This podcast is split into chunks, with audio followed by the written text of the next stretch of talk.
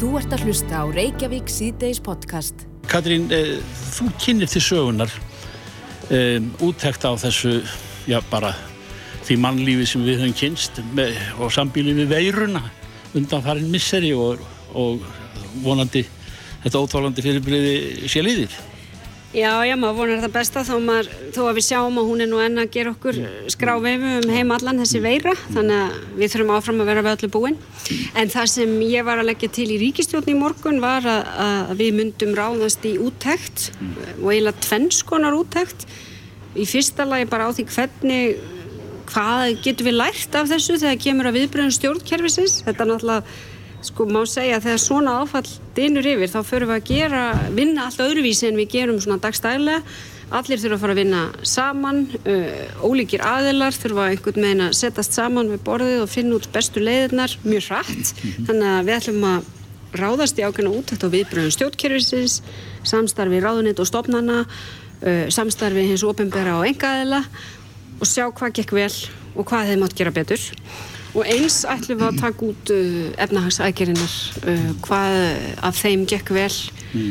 og hvað þeim átt gera betur mm. og síðan stendur yfir og, eða mun hefjast það nú, uh, og það er bara lögum sangkvæmt, þá er ráðist í úttækt á sjálfum sóttvarnar rástöfununum af hálfu heilbriðis uh, yfirvalda og líka svona helsufastlum afleggingum öðrum mm. af Já, nú heyrir maður í, í eftirmálum eða maður gengur út frá því að og þetta sé nú svona helsti þungin af fjandansverjunni farin e, eftirmálar sem að varða sálar ástand margra og, og svona, svona þessi ráfandi hluti í eftirmálunum sem að, sem að þurfa að finna sér einhvern stað svona þegar að reyna þessa hluti. E, er það í teknikunni? Já, það er uh, hluta því sem helbriðsefjöld munu skoða og landlæknisambandi hefur auðvitað verið að vakta geðheilsu í Íslandinga og við sjáum það að, að sérstaklega kannski yngri kynnslóðin mm. þetta hefur lagst þúnt á hana. Þetta er líka mikil óvisa sem hefur fyllt faraldrinum. Það hefur verið óvisa í kringum skólastarfi, framhanskólum og háskólum. Það hefur verið uh, ekki hefbundi félagslíf sem auðvitað hefur áhrif bara líðan ungs fólks að hérna, get ekki gert það sama og, og maður gerir þegar maður er ungur þannig að það er hluta þessu og við munum auðvitað höfum við verið að bregðast við með því að ebla sálfræði þjónustu og út á helsugjáslustöðum um land allt og, og styðja betur við fólk. Mm. en þetta uh, virðist vera áframhandlandi verkefni og við þurfum með mitt að skofa uh, hvernig þetta byrtist og hvað við gerðum emitt vel og hvað hefði mátt betur fara í því eins og öðru Hefur þú eh, svona, ég veit að uh, það er ekki annar en hugmyndir í þessum efnum svona hvernig, já til dæmis fólki á Norðurlöndunum, þeim samfélögum í Breitlandsegjum í Evrópu uh, svona sem næst okkur standa menningarlega hvað, hverjar aðferðinar þar eru? Nú virðist þetta vera bara um margt breytt heimsmynd sem við störum á Já og ég meina einhverju leiti hefur sko okkur Íslandingum gengið mjög vel ég að bæði takast af veiruna. Mér finnst uh, okkar sótarnar aðstæðan hafa verið mjög skinsamlegar mm. þær hafa verið, þær hafa verið svona markvissar. Það hefur ekki verið gengið lengra almennt heldur en þörfartalin á það hefur, uh, hér hefur ekki verið beitt útgöngu banni eins og til dæmis var beitt í Evrópu, ég menna á Spáni uh, fóru börn ekki út fyrir húsi styr mánuðum saman, svo dæmis ég tekið. Þannig að við höfum um margt notið miklu meira frelsis en aðrir. Og það sem verður áhugavert að skoða er hvort að það byrtist á einhvern nátt í okkar líðan og, og hérna heilsu eftir faraldurinn því ég held að sko Ég ímynda mér það að þegar upp er stað og þetta verður skoðað þá verður niðurstaðan svo að við höfum staðið okkur vel í sóttanarástöðunum og þó að alþjóðlegt samstarf hafi þetta verið svona af skortum skamti þá hef ég nú sótt tvo fundi núna í þessum í síðasta mánuði. Og ég finn það að fólk hefur tekið eftir hvað við Íslandingar höfum verið að gera í þessum málum. Katrín Ágústóttir skyndi þinginu er er lokið að sinja og, og þú eins og aðrir hald út í sumarið en e, það er skamgóður vermi sem þú kannski finnur vegna þess að það er kostninga framöndan e, e, hvernig er þið í stakkbúin til þess að já, koma fram með tillögur sem að lúta betra samfélagi eru það eitthvað skildar COVID-19? Ég veist nú, allir sko sem eru að fara að bjóða sér fram í haust eru við öll aldrei markerið af þessu mm. uh, ég menna ég held að þessi faraldur hafi mótað okkur öll og, og verkefnin framundan, ég menna uppbyggingin á atvinnulífinu og efnahagslífinu verður auðvitað eitt af stóru málunum mm. í kostningabaráttunni mm. og, og það auðvitað byggir á bara því hvernig ætlum við að, að hérna, byggja upp eftir þennan faraldur, þannig að hann mun áfram hafa áhrif, ég er ekki nokkrum vaf um það En svo er það auðvitað svo sem, ég menna við eh, vorum orðin vön óvæntum kostningum 2016 og 2017, nú erum við bara með kostningar í lók kjörtumabils, þannig að ég hugsa allir séu alveg tilbúinir í þar að þessu mm. sinni. Mm. Er kassin í góðu standi eh, í bókaldinu? Eh, er fjármálar á þeirra sveittur nú þegar eða, eða hvernig stendur þetta? Já, við erum auðvitað með mikinn halla eftir allt sem við erum gert en við höfum líka trú á því að viðspilnan verði miklu sterkari fyrir vikið mm. og, og það verði það séu, ég menna við sjáum það nú þegar í raun og veru að allt er að taka við sér eftir faraldurinn atvinnuleysið er á niðurleið það eru horfið til þess að samdrátturinn hafi orðið minni en ella vegna allara þessar aðgerða og þar að leiðandi verður auðveldara að spyrna frá botni þannig að ég held nú að þó að hallin sé mikill, þetta er nú eins og bara stundum er í heimilisbókaldinu ef, við, hérna, ef aðgerðina byrja árangur þá verður við fljótu upp úr því Katrín Jársdóttir, takk fyrir og ég segi bara gleðilt stutt sumar. Já, takk sem er leiðist. Takk. Þú ert að hlusta á Reykjavík C-Days podcast. Reykjavík C-Days á bylginni. MeToo bylgjan, önnur eða þriðja eða hvað sem á kalla en þessi baróta verðist vera stanslöst í gangi og hefur verið um nokkur skeið. Núna eh, hér á Íslandi þá hefur verið mikið í gangi í tengslu við þjóðháttíð en, en Ingólfur Þóransson eða Ingó Viðkvöð já, hann mun ekki sjá um brekkusöngin á þjóðhættið eftir að um, þjóðhættið er nefnd ákvað það í gær held ég en samfélagsmiðlar loga má segja og kommentakerfi fjölmiðla líka þar sem að fólk er skiptist svolítið í fylkingar uh, hvort að haldi með eða móti þeim sem að segja frá og, og þar fram til göttunum en það er allavega breyting á umræðinni og fólk er meira að stíga fram og segja frá þeim brotum sem það uh, hefur orðið fyrir. En það er spurning hvort að þetta séu bara reynilega breytt samfélagsviðmið sem við erum að horfa upp á núna og, og hvort að, að, að þetta sé bara eitthvað sem koma skalað. Fólk mun ekki lengur uh, þaga yfir þeim brotum sem það telur sig að vorði fyrir. En uh, á línunni hjá okkur er Marja Rún Bjarnadóttir, hún er lögfræðingur og hefur látist þessi mál varða meðal annars uh, skrifað held ég skýrslu um stafrænt kynferðsóbildi. Kom til sæl Marja. Já, kannski sæl. Já, hvert er þitt mat á þessu? Nú, nú er um, MeToo, uh, já, kannski önnur bylgja, það var einhver kallað þetta aðra bylgja af MeToo, en það var hérna auðvitað í hámæli fyrir ekki svo lengur síðan, en, en nú er ítrekka verið að fjallum þessi mál hér á landi og, og fólk að deila sínum upplifunum á samfélagsmiðlum. Erum við að horfa fram á, á bara breyttan veruleika? Ég held að það getur bara alveg meira vel verið. Ég held að sko hérna, samfélagsmiðlar þetta eins og þeir eru nú hérna göllu fyrirbreyði að þá eru þetta líka gríðlega valdeblandi að gefa fólki tækifæri á að tjá sig í mikilvæga laust svo náttúrulega spurning hver, hver er að hlusta. Það er náttúrulega ekki alltaf, alltaf þannig. Það er, það, er þó að eitthvað sem sagt með stafrænum hætti því kannski ekki endilega sjálfkrafa að það sé í, í ofinbæra rýminu en En ég held að, að það hvernig samfélagsmiðlar hafa verið notaðir til þess að nýja fram samfélagslega breytingar sem ekki bara varandi kynniðarklætti, heldur líka varandi e, fleiri þætti til dæmis í bandaríkjunum. Mm -hmm. Ég held að, að þessi breyting sé bara komið til að vera og það er þetta bara þannig að alltaf tæknibildingar að það er standa í tengslu við einhvers konar samfélagsbildingu og, og hérna um, þetta er kannski það sem, að, það sem við erum að horfa upp á núna. Ég held að kannski líka að maður horfur á svona hvernig sko, það er líka oft talað um, um að feminismi eða, eða svona hvern, réttindi að þau komið bylgjum mm -hmm.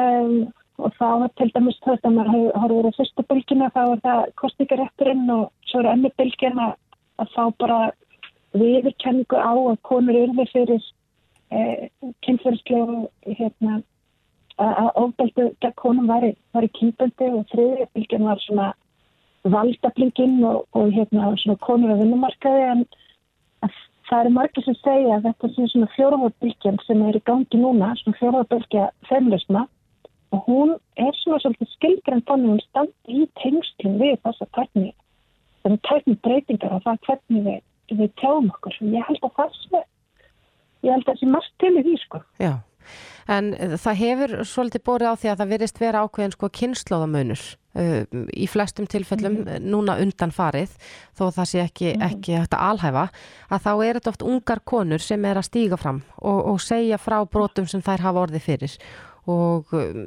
já, hefur samfélagið okkar heimlega bara breysti þá átt að fólk þagar ekki lengur eins mikið yfir, yfir slíkum brotum? Ég held að það sérst eh, hérna á, svona réttum slóðum þar sko. Við sjáum það náttúrulega bara þegar við horfum tilbaka, eh, þurfum ekki að horfa neitt rosalega langt aftur í tíman til þess að, að, að, hérna, að kynferðsbrot, hvort sem það var í gegn konum eða kallum eða bönnum eða hverjum sem var, voru sannlega þakka mjög það var eh, litið framsváðin og, og, og hérna og börn og, og, og alveg þólendur hérna kynferðsjópildis á Íslandi að þeir voru bara svona látnir bera sína eh, bakka sjálfur og, og hérna og Guðrun Ámustóttir hérna heitin sem er nú held bara einn einnasta byltingakona Íslands í því að, að, að hérna opna á eh, umræðinu um kynfyrirsjóðbildi og, og aflega þess, hún talaði um að, um að hérna, fólk var að taka upp á bakbókanum sem það fyrst að burðast með þegar það geti talað um, um ofbeldi sem það hefði orðið fyrir og, og, og sem það geti skilja skamni. Ég held að það, það er eitthvað sem ég held að sé að eiga sem stað núna bara ræðund. Mm -hmm. fólk, fólk er að taka upp, upp á bakbókanum sínum og ég held að við mögum ekki að gleyma því að við Íslandikar erum alltaf búin að setja mikla fjármunni og mikið effort í það að, að fá börn og, og fá út til þess að tala um óbeldi sem verður fyrir. Mm -hmm. það, það er það sem við viljum að, að gera vegna þess að, að hérna, uh, vegna þess að það er betra að, að takast á við áleggingarnar heldur en að heldur en að láta þér svona þarna í, í dagtókanum. Auðvitað er best að þetta bara ekki eiga þessi stað og þess vegna þetta eru sjáu þessar gríðarlega forvarnir sem að hafa átt sér staðast síðust árum á Íslandi. Ég held að við séum bara, ég held að séum uppskera frekar heldur en að hérna, heldur en þetta sé kannski endilega eitthvað, eitthvað svo sæðilega slæm. Ég held að sé hérna, mikilvægt að fólundur uh, hvort sem það er rafsugast sem að þeir verða fyrir eða, eða ekki, að þeir finni í sína og, og þú er að tala um það sem er verða fyrir. Það getur mm -hmm. alveg mjög óþægilegt sko. Já. Það getur verið óþægilegt fyrir okkur sem að hlustum á og það getur verið óþægilegt fyrir þá sem að hafa kannski hort upp á og ekki sagt nýtt þegar þetta gerist. Þannig að ég ætla ekki að gera lítið því að að þessi uppskera samfélagsins og hún getur líka verið svolítið óþræðilega og söpulega sko. Akkurat. En að, sko, umræðan sem ásist stað í samfélaginu, hvort sem það er uh, á kaffestofum eða samfélagsmiðlum eða kommentakerfum, að þá er oft talað um sko, þessi orð saklaus sektir sönnuð og, og hvers vegna var ekki lögð fram kæra í máli og annars líkt. Heldur þú að réttakerfið hér á landi sé uh, taki nægilega vel á móti þólundum til þess að sko í raun og veru hvetja fólk áfram til þess að kæra? Já, ég er náttúrulega starfa núna hjá Ríkisjörgstjóra og, hérna, og er hluti af teimi sem að er að vinna að því að gera það þannig að, að hérna, réttakerfi taki við þólundum með opnum örmum og, og, hérna, og aðstöðu þá í að leita um, úrlust þennan mála í gegnum réttakerfi. Mm -hmm.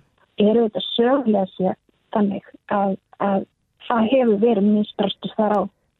Um, og, og það er þetta bara, það var bara kerfislægur vandi uh, á Íslandi eins og í öðrum löldum hvernig það tekið á, á kynfyrirsbrotum og, og hvernig þólindi þeirra mættu harskalegu og jafnvel bara slæmu viðhorfi þegar við leit, leituðu til, til yfirvalda Ég held að það sé ekki þannig í dag en, en, en ég, að, ég held að það sé líka bara mikilvægt að það sko ger ekki lítið úr upplöfu þólundar sem að, sem að hérna, kannski upplöfa það sem neikvægt. Þannig að þó að lauruglan sé að, að gera allt sitt besta þó að við séum með, hérna, við erum að setja upp uh, verkvartla og, og vinnulag uh, til þess að, að gera þetta sem allra best til þess að stuðja þólendur að þá, að þá getur vel verið að, að það sé ekki svo upplifun sem að þólandi hérna, hefur af, af úrvinnslu af, af samskiptu sem við kerfið og það má ekki gera lítið úr því. Nei. Nei, ég held að, að réttakerfi það, það, það, það er ekkit statist sko. Þá, er þessi búið að setja lög einu sinni að þá fyrir það ekki bara allt sér klárt og, og, og hérna bara allir let's go. Mm -hmm. Því að lögin og réttakerfi það verður að þróast alveg eins og samfélagi þróast, alveg eins og viðlegin okkar og, og það sem að hérna, e, það sem að við taljum ásöpanlegt í, í svona mannlegum samskiptum að það hefur auðvitað áhrif á lögin líka. Og, og, hérna, og réttakerfi þarf auðvitað að, að hérna, þróast samlega því. Það er auðvitað þess vegna sem við endur sko lögrætslega vegna þess að samfélagslega viðminn og, og lagalega viðminn varða að halda sem allavega sem besti hendur. Það er ekkert alltaf alveg, alveg fullkomið. En þú talar... Líka að því að að við má bara bæta aðeins við að því að þú talar um sko kannski svolítið svona kynnslöfuminn og maður hugsa um það veist fólk sem er að tjá sig í, í kommentarkerfunum sem að kannski er kannski aðeins eldra hérna, og, og tala um þessar ungu stúrkur einhvern veginn eins og þær séu að, að, hérna, að gera eitthvað slætt með því að tjá sig þá held ég að það sé að líka ákveðin svona kynnslóðumir í, því hvernig við tölum um kynverðsast ábyrdi og, og, og svona kynverðslega áreitni Mm -hmm. uh, og það er alls konar, ég vissum að, að, að hérna, eldra konar í Íslandi þær hafa bara lát þær hafa, þær hafa fyrst að fóla ímislegt sem að konar í dag eru búin að fá sko, ungar konar í dag eh, erum búin að, hérna, að dæma pengum í forvarnir og fræðstíð fyrir þær til þess að komið veg fyrir að þær verði fyrir þannig haft sem eða að þær ræðist við eða, eða tala um það þannig að mm -hmm. það kemur líka á þessuna kynsluðinu sko. Já, en við erum að sjá mögulega þá afraksturinn af þessum forvörnum og þessari fræðslu þegar að ungar konur í dag uh, segja frá. Ég held það. Ég held að við þurfum að líta þetta bara svolítið jákvæða með þeim. Uh, og, og hérna, ég veit að það er erfitt ofta að hugsa um svona kerfislega fætti án þess að tala um veist, einstakka leikendur og, og hérna sem, að, sem að eru í í deiklum hverju sinna en ég held að við verðum samt að geta lift okkur upp á því og, og hugsa um sem starri myndina sko. Hvað hérna uh, hvað sé ég þetta ég held að við erum bara við erum bara að setja minni meiri, meiri byltingu sko og hérna um, það er auðvitað kannski sjónarhatnið þegar maður, maður setur inn í aðstæðanum er, er þetta oft aðeins annað heldur en þegar maður hefur lúksu sem að geta hort tilbaka og, og sé hvernig hlutir þau voru mm -hmm. því að hérna það er þetta ímislegt sem okkur finnst algjörð galskap í dag sem að var bara fullkomlega ásöfnilegt fyrir ekkert svo lengur síðan mm. og, og hérna ég held að það sé svolítið þetta, þetta er bara svona, við erum að taka skrefna Já, en það er held ég augljóst af umræðina að þessi bylting og þessi bylgja, þessi MeToo bylgja, hún, henn, hún er ekki búinn Marja, Já, Marja Rún Akkurat, Marja Rún Bjarnadóttir lögfræðingur, takk kærlega fyrir þetta Takk fyrir mig. Hlustaðu hvena sem er á Reykjavík C-Days podcast. Já, það gengur ímislegt á í, í þingsölum í dag. Hva? Bara komin júlimánuður og menn að, en uh, láta það líka með hluta af hverju það er, en, en í óundibúnum uh, fyrir spörnatíma, núna klukkan hálf tvö í dag, þá stigum margir í pontu sem að uh, er til marsum það að að það er stjórnvalda að svara mörg af því sem að sem að gerðist í, í, í COVID-inu öllu sem er órætt og Þorgjörður Katrin Gunnarsdóttir bara upp eitt atriðið. E, nafnaðinn fórsættisráð þegar hún sagði að því að það eitt að skoða framkvæmt COVID aðgerna þar að segja Livjagjöf og viðbröð stjórnvalda við því og og var gerður góður rómur af því. En þér finnst vanta þarna fyrir aftan hvernig það gekk að koma livjumón í fólk og, og skipulegja sóttvarnir út um all land svona tiltölla áfallalaust en, en það er, það er, það er eh, þriðikablin í, í stóra málinu, máli málana á þetta árið. Já, í sjálf og sér, ég uh, held að það sé gott að við uh, förum í úttekta á, á þessu sérstaka ástandi, þessi fordamæleisa ástandi sem við höfum staðið fram með fyrir og leist ágæðlega öll samhend sem þjóð, stjórn, stjórnar anstæða, uh, sérfræðingur og, og aðrir, náttúrulega fyrst og síðast þjóðin. En við verðum líka að gæta þess að að þegar er verið að gera svona úttekt og hún sé gerð ekki, að það verð ekki sjálfrýni að þetta verði eh, það fagleg óháð úttekt og það hefur ekki verið haf, eh, haft neitt samráð við stjórnarnarstöðuna við spurða því hvort að, að við getum hugsa okkur á tilöfna fólk til þess að fara yfir þetta því þetta skiptir gríðarlega miklu mál upp á framhaldið upp á, upp á framtíðina hvernig við getum bröðist við með, með tilteknum hættu og eins og ég segi það er margt sem hefur tekist mjög vel til annað síður og það er kannski ekki síst þar sem við eigum að, að læra svolítið af þessu. Og ég sakna þess. Talandu fósættisráþara sagði áðan á mótmálti því sérstaklega að það hefði verið einhver kirstað í heilbreyðismálum að hluta til er það rétt, það var engin kirstað í heilbreyðismáli þegar kemur til bygglista bygglistar hafa ekki minkað þeir hafa ekki staði í stað, þeir hafa aukist. Mm. og sama hvar litið er hvort sem að við erum að leita eftir byðin á hjúgrunaheimili, við erum að byðlista á mjadmaðgerðir, liðskipta aðgerðir svo ég tala nú ekki um í, til talmeinafræðinga e, sálfræði þjónustu e, sjúkraþjálfun og svo framvins þannig að, að stóru hópurinn og það sem að hefur bæst mest í er ekki síst börn sem að hafa bæst á bygglistabæði til solfræðið og annara greiningur mm. og það er það sem er náttúrulega sláandi og ég vona að menn sé ekki að sópa þessu undir teppi fram, fram yfir kostningar. Mm. Það er það sem ég nefndi þriði kaplinn hann það í, í meginættinum í, í, í máli Katrínar Fórstráttara. Um, um, þú verður var við já, þetta hjá sálfræðingum, það er að segja sem maður heyrir ef þú ert ekki hirnalaus að það er ekki lægi í samfélagin í dag. Já, já, það er þannig og það er líka þannig að við eh, í viðreist við, við lögðum fram í tvígang frumvarp eh, sem að eh, greiti götu fyrir, fyrir fólk, ekki síst efnamennar fólk, ungt fólk fólk sem að er, já, í tekjulegri kantunum að aðgangi af sálfræðþjónustu mm. við verðum að geta tekið utan af það fólk og, þá, uh, og það var samþýgt með öllum uh, þingmennum úr öllum flokkum, samhljóða síðan hefur það gerst að ríkistöldun hefur ekki viljað fylgja því eftir. Þetta, snýst, þetta mál snýst um það að greiða aðgengi fólks að sálfræðþjónustun og ef það er einhver tíman þörf þá er það núna. Því að við erum að sjá alls, allar tölur gefa þetta í kynna að það er meiri aðsókn í þjónustu eftir, eftir eh, geðleiknistjónustu, sálfræðiþjónustu heldur um nokkuð tíma fyrr. Og það er meðal annars, meðal annars út, af, út af COVID en það er líka aðri þættir sem, a, sem að spila þar inni. Og ég hefði viljað geta séð þorgir eftir svona kannski tvö ár þrjú ár að þá getur við saman hvað hva sem við erum í samfélaginu sagt já við brúðumst ansi vel við þannig COVID. Við sérstaklega tókum utanum andlega líðan fólks.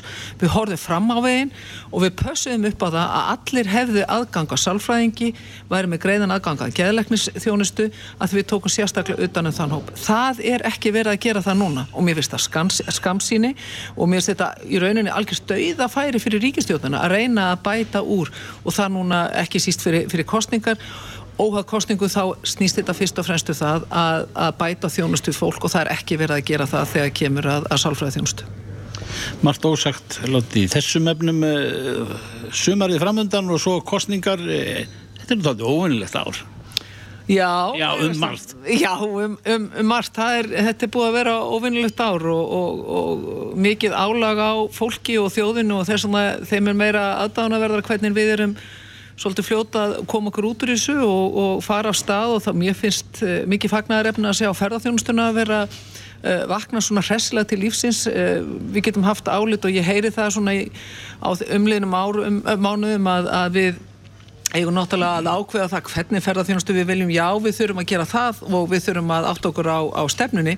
En enga síður við munum ekki auka verðmætasköpun, við munum ekki standundi velferðin nema að, að, að, að eh, ferðarþjónustan komi aftur af stað. En ekki síður hitt að við við höldum inn í framtíðana með því að taka líka utanum nýskupun og hugverkaina. Og það, þar eru ótal tækifæri þorkir, hvernig við getum bætt við fjórðu og jafnvel fymtustóðinu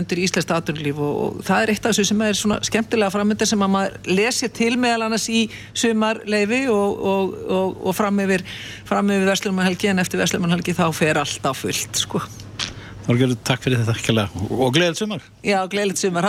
Reykjavík síðdeis á bylginni. Reykjavík síðdeis heldur áfram.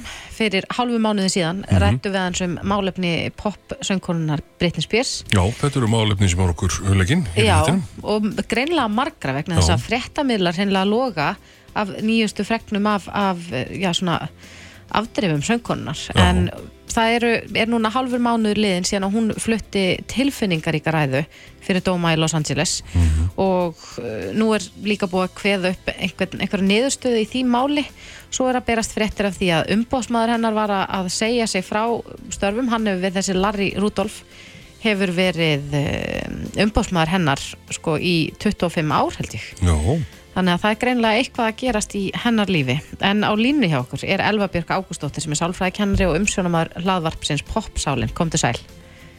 Sæl og blessuð. Já, nú er liðin halvu mánuður síðan við rættum saman síðast og, og þá var hún við það að fara að eh, ja, bera vittni eða segja sína sögu fyrir fram að dómara. Mm -hmm. Hvað hefur gengið á síðan?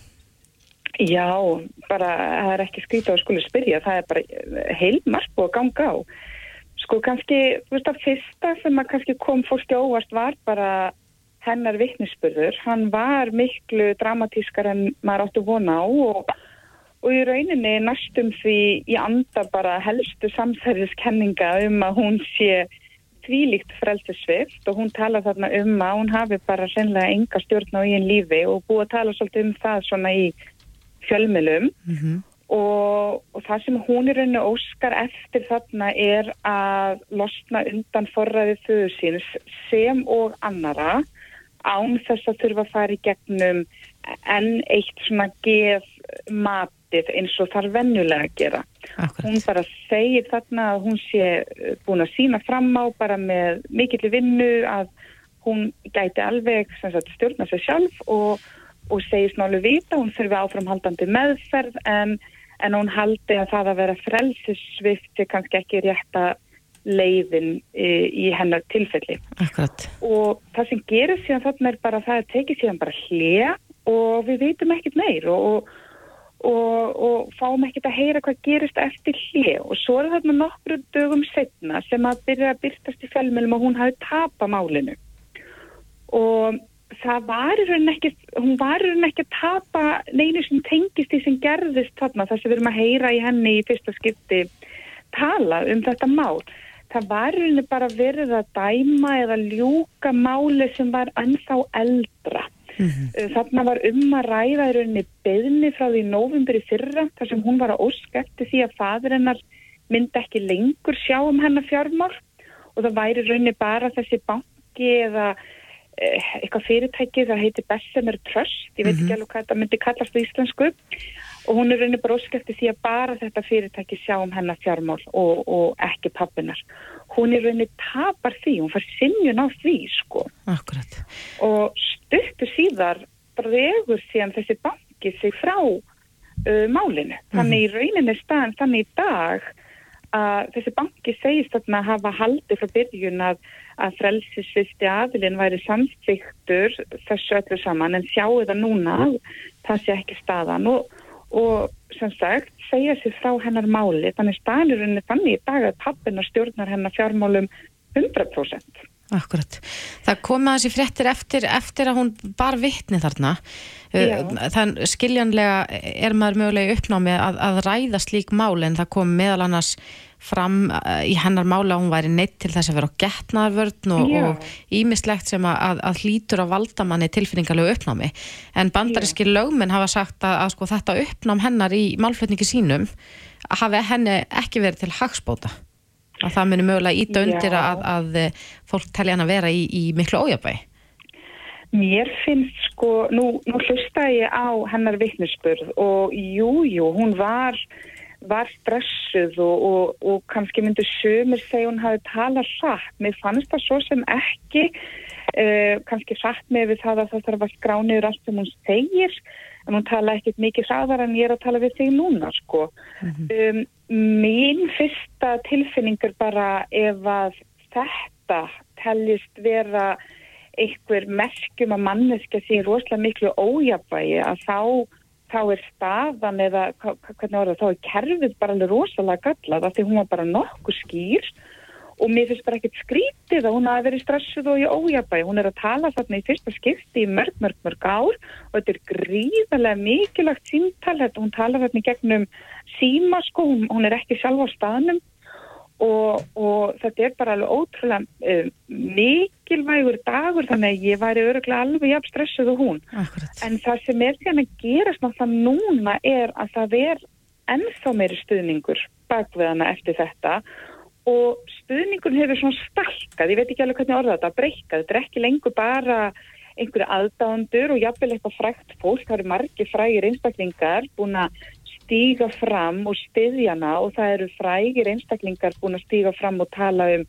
brenglaða hægðun sem að þau hafa orðið vitna, til dæmis að þeir voru að taka upp tónlist með Brittany og þurft að skrifa undir einhverja samninga og, og fylgdust bara með mjög sérkennleiri hægðun pappinar, þannig að það er mhm. fólki búið að staðfesta það, það er einn söngkona búin að staðfesta það að það sem Brittany er að segja um pappa sem sér rétt það sem er líka að gerast er að sko þingmenni bandaríkjanum eru að stíga fram og þingmenni Flórida hafa óska eftir því að Brittany ræði við þá um þá meðferð sem hún er fengið frá kerfinu það sem eitthvað svo svolítið erfitt er að til að meiga koma og tala við það þá þarf hún samþykki þeirra sem hafa forsjá mm -hmm. yfir henni og svo eru þingmenn eins og Elisabeth Warren sem er náttúrulega anstuð þekkt hafa í kjölfara þessu óskað eftir bara sennilega rannsókn á þessum bara almennt frelsi sviftingamálum í bandbaríkjanum, bara hvernig þessu er, er hátta. Þannig að máleginar brittneir er bara svolítið svona skýrstæmi um meingallast kerfi að núti. Sko. Akkurat. En heldur þú að, að þetta mál sé rétt að byrja það? Munum við sjá brittnei áfram berjast fyrir sjálfstæði sínu? Ég held að þetta sé rétt að byrja. Ég er ekki vissum að það fari að stað með þessari bombu eins og hún hefur viljað.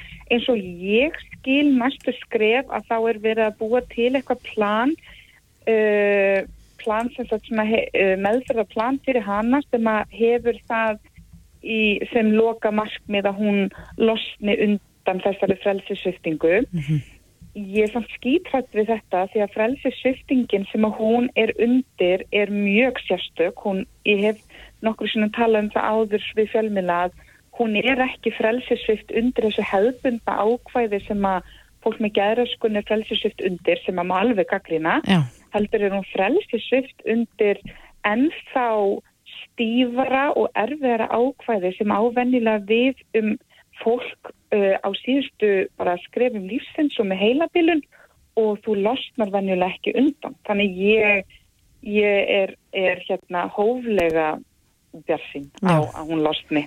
Já. Akkurat, við höldum áfram að fylgjast með þessu máli. Elva Björk Ágústóttir, sálfræðikennari og umsjónamaður hlaðvarpsins Popsálinn. Takk kærlega fyrir þetta. Takk sem er leiðist. Þetta er Reykjavík C-Days podcast. Reykjavík sýtis á bylginni heldur áfram. Eh, það var, eh, þingi kom saman aðeins í morgun og, og e, þar var meðal annars verið að ræðum byðlista og þetta er nú umræði sem hefur átt sér stað í tengslu við hitt og þetta, allskynns helbreyðstjónustu að undarförnu og lengi. En ég las skoðanapistilin á vísi í gær og þar er verið að fjalla um sjúkdóma í sömarfrí. En sá sem reytar þessa grein, Sigmar Guðmundsson, er hingað til mín komin. Gótt sæl. Sæl Þú ert í frambóði núna mm -hmm. og við, við vitum það við höfum talað við þetta áður og þetta er, þetta er svona nýtt hjá þér að stíga út úr fjölmjöla heiminum og inn í mhm. ringiðuna sem að pólitíkin er. Já, já. Um, þú hefur eflust fjallað lengi um bygglista mm. og, og oft í, í þínu gamla starfi. Já, það er nú alveg líka stil. Akkurat. Þetta er svolítið leilið að saga auðvitað með heilbyrðiskerfi, hvernig við höfum að hérna, haga málum þar en, en að því að vísa í þannig pistil sem ég var að skrifa, það, þar er svona kannski svolítið að taka fram hvaða er skrítið að svona mikilvæg og lífsnöðsileg þjónusta fyrir fólk að hún alltaf er einhvern veginn bara fyrir sumafrí. En sjúkdómandi gera það ekki? En sjúkdómandi gera það nefnileg ekki og það, eh, ég er svona, þetta leiðir auðvitað allt inn í almennar umlista, eh, hérna umræðu um, um bygglistan almennt en, en ég er sem sagt aðeins að tala um það að, að, að nú er það þannig að, að eh, þeir sem eru alkoholistar, þeir geta auðvitað farið í meðferð á OI og þeir geta síðan farið í eftir meðferð á vík en það hefur verið þannig að undarferðinu að menn hafa þurft að loka eftir meðferðinni yfir hásumarið Mhm. og uh, þess vegna nefni ég þetta nú að uh, þetta er sjúkdómar í, í sumafrí. Þetta er auðvitað eitthvað sem er ekki bóðlegt, þetta hefur verið lengi og það er auðvitað verið að vekja aðtekla á þessu á hverju ári en, en uh, bara svo ég útskýri aðeins uh, svona það sem er svo alvarlegt á bakvið þetta, það er að, að, alkoholismin til dæmis er bara sjúkdómur eins og, eins og hver annar sjúkdómur nema hann er svo erfiður viðrögnar að því leitinu til að sá sem er veikur hann er ekkert endilega móttækilegur fyrir því að fara í meðferð hvenna sem er. Það getur verið eitthvað mótrói, afneitun eða eitthvað og það að láta mann uh, sem að loksins er búin að gefast upp og játast því að hann þurfa að fara í meðferð og þurfi hjálp býða kannski í einhverjar vikur eða mánuði eftir því að komast inn á vók og taka af honum eftir niðurferðina því að hann er svo óheppinn að hafa alltaf að taka til í sínum málum að voru til. Þetta er graf alvarlegt mál Veg, vegna þess að til dæmis ef við tökum þetta með bygglistana inn inn inn á vók sem oft hafa verið að þá getur þetta verið þannig að, að, að þú þarf að býða í einhverja vikur að þá hugsar kannski alkoholistin með sér Herðu, já, ok, ég kemst í meðferð eftir einhverja vikur, ég ætla bara að keira á það þanga til og vera bara í neyslu fullur og rugglaður þanga til að ég fyrir meðferðina. Það getur auðvitað búið til alveg hrikaleg vandamál eða þá viðkomandi bara hreinlega snýst hugur. Þessi gluggi er ekkit opinn alltaf. Þetta, Hversum- þetta, þetta, það, er þetta sem er svo margslungi. Ef við erum með krabba minn, þá viljum við meðferðina, við viljum hjálpina. En hjá alkoholistanum þá þarf ofta að, að, að beita fortölum til þess að brjóta niður afnýtunarmúrana og annað. Þess vegna er svo mikilvægt að, að sko að það sé alltaf hægt að taka á móti fólki. Það sé ekki þannig að, að, að hérna lífsnöðsileg þjónusta eða nöðsileg þjónusta sé annarkvort í sumafrí eða þá að bygglistar séu langir. Nei. Hversu, sko, nú erum við að tala um vók þar sem fólk fer og það fer í, í oftast í viku tíu daga, er það ekki Jú. í, í svona ákveðna afeitrun þar sem að fólk er að, að byrja svona sína vegferð, en Akkúrat. svo tekur við eftirmeðferðin sem að skiptir gríðulega málu upp á langtíma bata, ekki satt? Jú, og, það, og það, það, þetta er nefnilega mjög mikilvægt að fólk skilji þetta sko. þegar þú verður nú vók þá er það afeitrun, það og síðan eftir meðferðin þá, þá tekur við mikil, fræð, mikil fræðsla og svona kannski má, má að mörguleiti segja en eiginlega meðferð hefst. Og hérna það er náttúrulega mjög vont að, að, að taka þann hluta frá fólki eða segja við að þú voru að koma aftur í haust eða eitthvað því að það er svo mikilvægt að það sé samfella í þessu. Það eru auðvitað frábært að fólk komist inn á vók en það er samt eins og þú ert að nefna, það er bara fyrsta, fyrsta skrefið. Og það sem ég er kannski líka reyna að benda á þarna í þessari greina er, þú veist að, að þegar við erum að tala um sumarlokanir eða byggðlista þá er það því miður ekkit bara þarna. Þetta er einhvern veginn út um allt kerfi og ég nefni nú nokkur dæmi eh, bara ég googlaði handahófi e, til þess að finna fréttir. Það er komið auðvitað upp í, í tögum og hundratali en ég menna, þú, þú veist, byggðlist eftir átröskuna með fyrir sjöfældaðist á fjórum árum. Það eru 1193 börn og byggðlist eftir sálfræðþjónustu, uh, 1218 byggða eftir liðskiptum, 900 börn og byggðlist á alltaf 30 ára byggð hjá talmennafræðingum. Veist, þetta er, þetta er, listin er einhvern veginn alveg endalus. Sko. Akkurat, en hvað er við þess að gera? Það snýst þetta allt um fjármagn? Þetta snýst auðvitað að einhverju leiti snýst þetta um fjármagn en þetta snýst kannski líka einhverju leiti um það hvernig hérna, peningarnir eru nýttir og hversu móttækilegt kerfið er fyrir því að, að, hérna, að það geta kannski fleiri sint þjónustu heldur en bara þeir sem er á launum hjá ríkinu, menn að við sjáum eins og liðskiptið aðgerina, hvað vitir því að vera að senda fólk út í dýrar aðgeri þegar hægt er að gera sömu aðgeri hérna heima? Uh, inn í helbreyðiskerfinu hafa læknar og, og fleiri helbreyðistarsmenn verið að kalla eftir því að, að hérna uh, menn séu vakandi fyrir því að, að svona fjölbreyttari rekstrarúræði geta hérna, komið, komið inn í þetta til dæmis mjög áhugavert að lesa læknablaði síðast í, í því samhengi. Uh, það verðist ekki meiga hjá þessari ríkistjórn sem að nú setur, hún verðist einhvern veginn uh, merkilegt nokk með sjálfstæðarflokkin í þeirri ríkistjórn vera á móti því að, að hérna, það sé hægt kannski að, að bæta þjónustuna með öðrum rekstraformum heldur um beinu ríkisrekstur og ef ég má aðeins fá að útskýra hvað ég á við þá er ég að, að tala um það að enga rekstur sem slíkur er ekki markmiði sjálfu sér, heldur það að bæta þjónustu og í heilbreyðiskerfinu erum við með þetta þannig að þeir sem að vinna í kerfinu þeir eru ósáttir við hvernig kerfi virkar og notendunir eru oft ósáttir líka. Þannig að eitthvað þurfum við að laga. Uh, og uh, enga aðeinar geta komið að rekstri en það er alltaf ríki sem að þarf að borga fyrir og setja kröfunar og hafa eftirliti með því að hlutin sé í lagi. Það er enginn að tala fyrir tvöföldukerfi eða einhverju slíku, heldur bara að, að, hérna, að við höfum öll jafnan aðgang að kerfinu.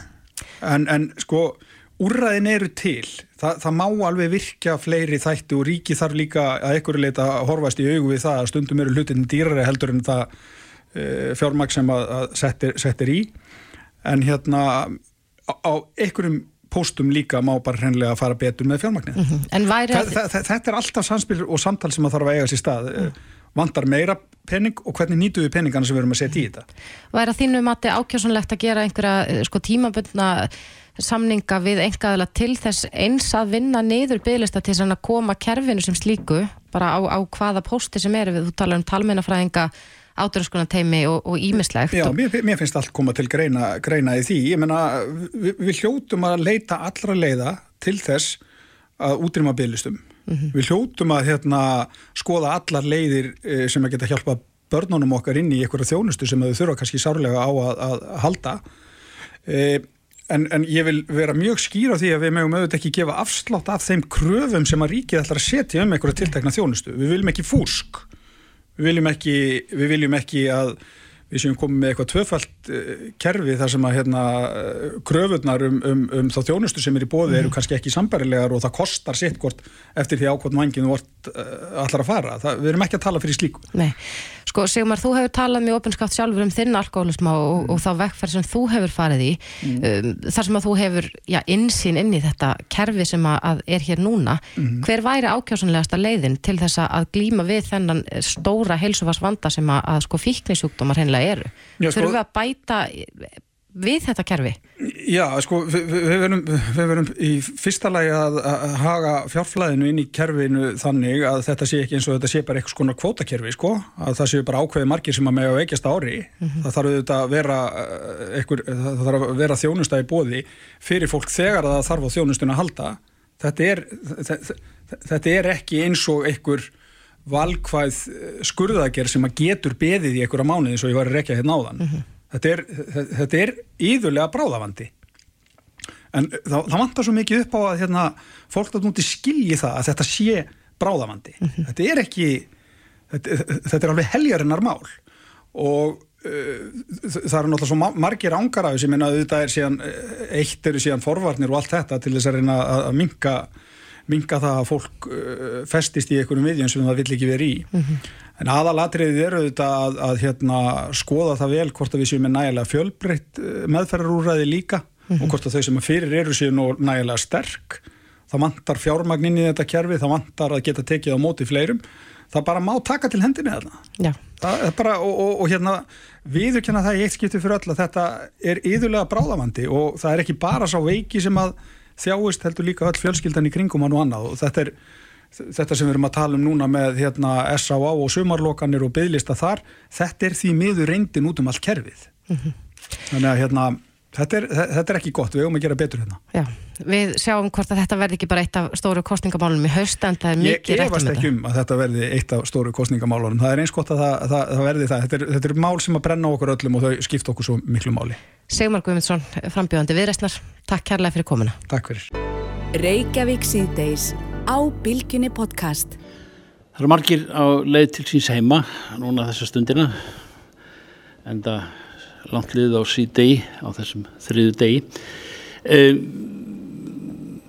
Það vegakerfi sem við kerum á hér á höfuborgarsvæðinu þekkjum við mæta vel og, og oft er nú þröngt á þingi, við kvöldum göttuna bara þing en í dag er, er verið að tíunda e, í nafni betri samgangna e, og samgönd samgöngu sáttmála sem gerði var hér um árið millir ríkis og, og sveitafélaga e, Átni Mattísson þú veitir þessu forstöðu og e, þarna leggur þú á borðið eða í dag það er áallanir til betrum bóta þegar kemur að grundarlar samgöngukerfinu þar að segja stoppbröðana þetta er ærin, ærið verkefni framöndan Já, já, það er alveg óhætt að, að, að segja það það sem við vorum að kynna í dag voru sérstaklega stoppbröðunar mm. og, og þar af eina þeirra sérstaklega sem er Arnanæsvegurinn og, og Gatnamótinu Arnanæsveg og, og Breitholtsbröð og við vorum líka að reyna að setja þetta í samengi við heildar framkvæmdirnar eh, sem að heyra undir samgöngusáttmálan á höfuborgarsvæðinu sem eru eh, gang út á það að, bæta samgöngunar á fjölbreyttan hátt. Stærsti parturinn þar eru stofbröðunar síðan koma almenni samgöngunar sem við höfum kynnt áður undir nafni borgarlínunar og svo eru þessir virku ferðamátar að verða sífælt stærri og um, umfangsmeiri bæði hjólandi og, og, og gangandi. Og þannig að það er tæmlega 50 kilometrar af, af hjóla og, og gangbröðum inn í þessum hugmyndum mm. auk þess eru, eru flæðis bætur og ljósastýringar og alltaf öryggismálinn sérstaklega þegar þú komið með þessa, þessa fjölbreytni inn, inn, í, inn í þetta og ef ég fer þá sérstaklega út í stóbröðunar að þá hafa frá því að sáttmáli var undir þetta öður nokkru þeirra verið kláraðar meðal annars Reykjanesbröðin Suri Hafnahöri frá eh, Krísivíkur veginum að Kaldasöls vegin mm -hmm. Vesturlandsvegurinn í, í Mósusbænum það er verið að klára þar og svo uh, í kringum uh, Rauðavatnið og Arnanisvegurinn er svona það sem er næsta svona stóra á dagskrá mm -hmm. síðan koma bústæðavegurinn og svo koma stokkarnir sem eru afskaplega spennandi í þessu samingi Sæbrutar stokkurinn mm -hmm. sem að síðan geti tengst uh, sundabrunni þegar að kemur að, að henni og miklu breytar stokkurinn. Og áfram gæti þetta svo haldið á hafnaferðarveginum í gegnum uh, Garðabæ. Og síðan er verið að skoða hvaða möguleikar eru bestir söður í hafnaferði Altanesvegurinn og, og Reykjanesbröðin þar, hvað er, er verðt að gera þar og þetta eru samtals tíu framkvæmdir sem eru, eru undir mm -hmm. og, og svo vonumstu til þess að þeirra menn horfa á þetta í, í samengi við borgarlínuna og, og, og þessir að virku ferðamóta og, og þá, þá sjá menn svona heildar mynd mm. að það eru verið að bæta um, umferð, umferðina, bæta úr þrengslunum á fjölbreyttan hátt og skapa meiri, meiri möguleika fyrir þá sem að ferðast um höfuborgarsæð. Mm. Einhvern veginn hefur maður á tilfinningunni að þetta sé löngu tímabært að að svona á yttra borði þá, þá byrtist mynd af því sem við nótum öll hérna á höfuborgarsvæðinu það, man, í heilli mynd svona sæmilega sæmilega þjættriði nett af, af þessum samgangu vegum og leiðum. Þú nefnir Arnanesveg eh, bara fyrir þá sem eru ekki með landakort í þessnum og eru núna að keira á þessu svæði hva, hvað, hvaða hlutverki hefur sá vegur í, í svona um já, östur-vestur stefn á miðbygg svæðisins Já, hann, hann tengir þessi nýju hverfi í, í Kópói við breyðhalsbröðuna og, og þar, þar með við breyðhaldi og, og efri byggðir í, í, í Reykjavík og er stoppbröð og það er búið að byggja hann í áfengum mm. en það vantar byta í hann og það hefur leitt til þess að, að svona stoppbreytar umferð hefur farið í, í gegnum íbúðakörfin á undarförnum árum með tilherandi raski og, og þetta, hæ, hæ, hættu mm. þannig að þetta er löngu tímabær framkvæmt sem er búin að vera á áhællin lengi og núna sjáum við fram á það að hún verið bóðun út í uppafi næsta ás á lókinni, hönnun mm -hmm. Eh, áhaldum það hvernig gatnamótin er að vera eh, þar sem þau eru mikilvægust eru það planfrí gatnamóti eða, eða ljósastýrð? Já, það má segja það að þau séu hvort ekki að þau eru, eru á, í, á tveim, tveim, svona tveimur hæðum það eru ljósi í þeim, í þeim líka þannig að þau eru svona heldur svona maður má segja þessu svona einfaldari gerða plan fyrir um hérna, gatnamótum, allavega fyrir svona leikmann eins og, eins og mig og þau eiga að döga vel fyrir þá umfyrð sem er fyrir sjáumlega næstu 20 árin mm -hmm. og síðan verða það einhver aðrir sem að taka ákvarðanir um hvað gerist þá mm -hmm. eh, Þú veitnar í og þetta er framkvæmt eða þetta er kynnt í dag í nafni sam gungu áallunar eða þar að segja því sem að sveitafélagin hafa komið sér saman um að, að, að standa að e, leiðin norður úr höfuborgarsvæðinu sundabraut, er hún e, á tekningunni? Já, hún er á teknikunni og hluti af þessu er svona fossenda sundabröytarinnar eins og sagt við verið á sæbröytarinn og sæbröytarstokkurinn mm. og þeir voru í dag samgókur á þarann og, og borgarstjórun að skrifa undir vilja yfirlýsingu um áframaldandi undirbúning á, á sundabröytinni sem verði vantarlega sundabrú og, og það tengist inn í þessa heildarmynd og mun skipta gríðarlega miklu máli. Og við erum í mjög góðu samstarfi við þessa aðila um, um, um þessi mál og ég held að við getum verið bessin um það að þetta mun allt saman passa saman þegar að, að réttur tími kemur. Mm -hmm. ég, ég nefndi að það veri sjálfsíð að maður sæi sveitafjölögin hérna og þessu þröngasvæði sem höfuborgarsvæði er í raun og veru. Um, sko koma sér saman um á, á, á saminlegu plani. Það er nýlunda fyrir mér eh, sem bara borgara hér áratuga skeið eh, er þetta kannski eh, byrjun á frekara samstarfi sveitafélagana? Já, ég get vel ímynda mér það þetta samkomla er einstakt hér á landi og opnar greiðilega mikla möguleika og við erum strax farin að sjá jákvæðar afleiðingar í því hvernig að að þeir aðeinar sem að, að, að hafa mest hagsmunar gæta hvernig að þeir skipulegja sín mál og hvernig þeir hugsa inn í framtíðina mm. og þegar að hraðin, já þróunin er eins mikill eins og hann, hann er í, í dag að þá er gríðarlega mikilvægt að geta hort látt fram á veginn að, að hafa einhverja stíkur sem hún sér framöndan og, og vita hvert þú ert að fara, hvert þú ert að aga mm.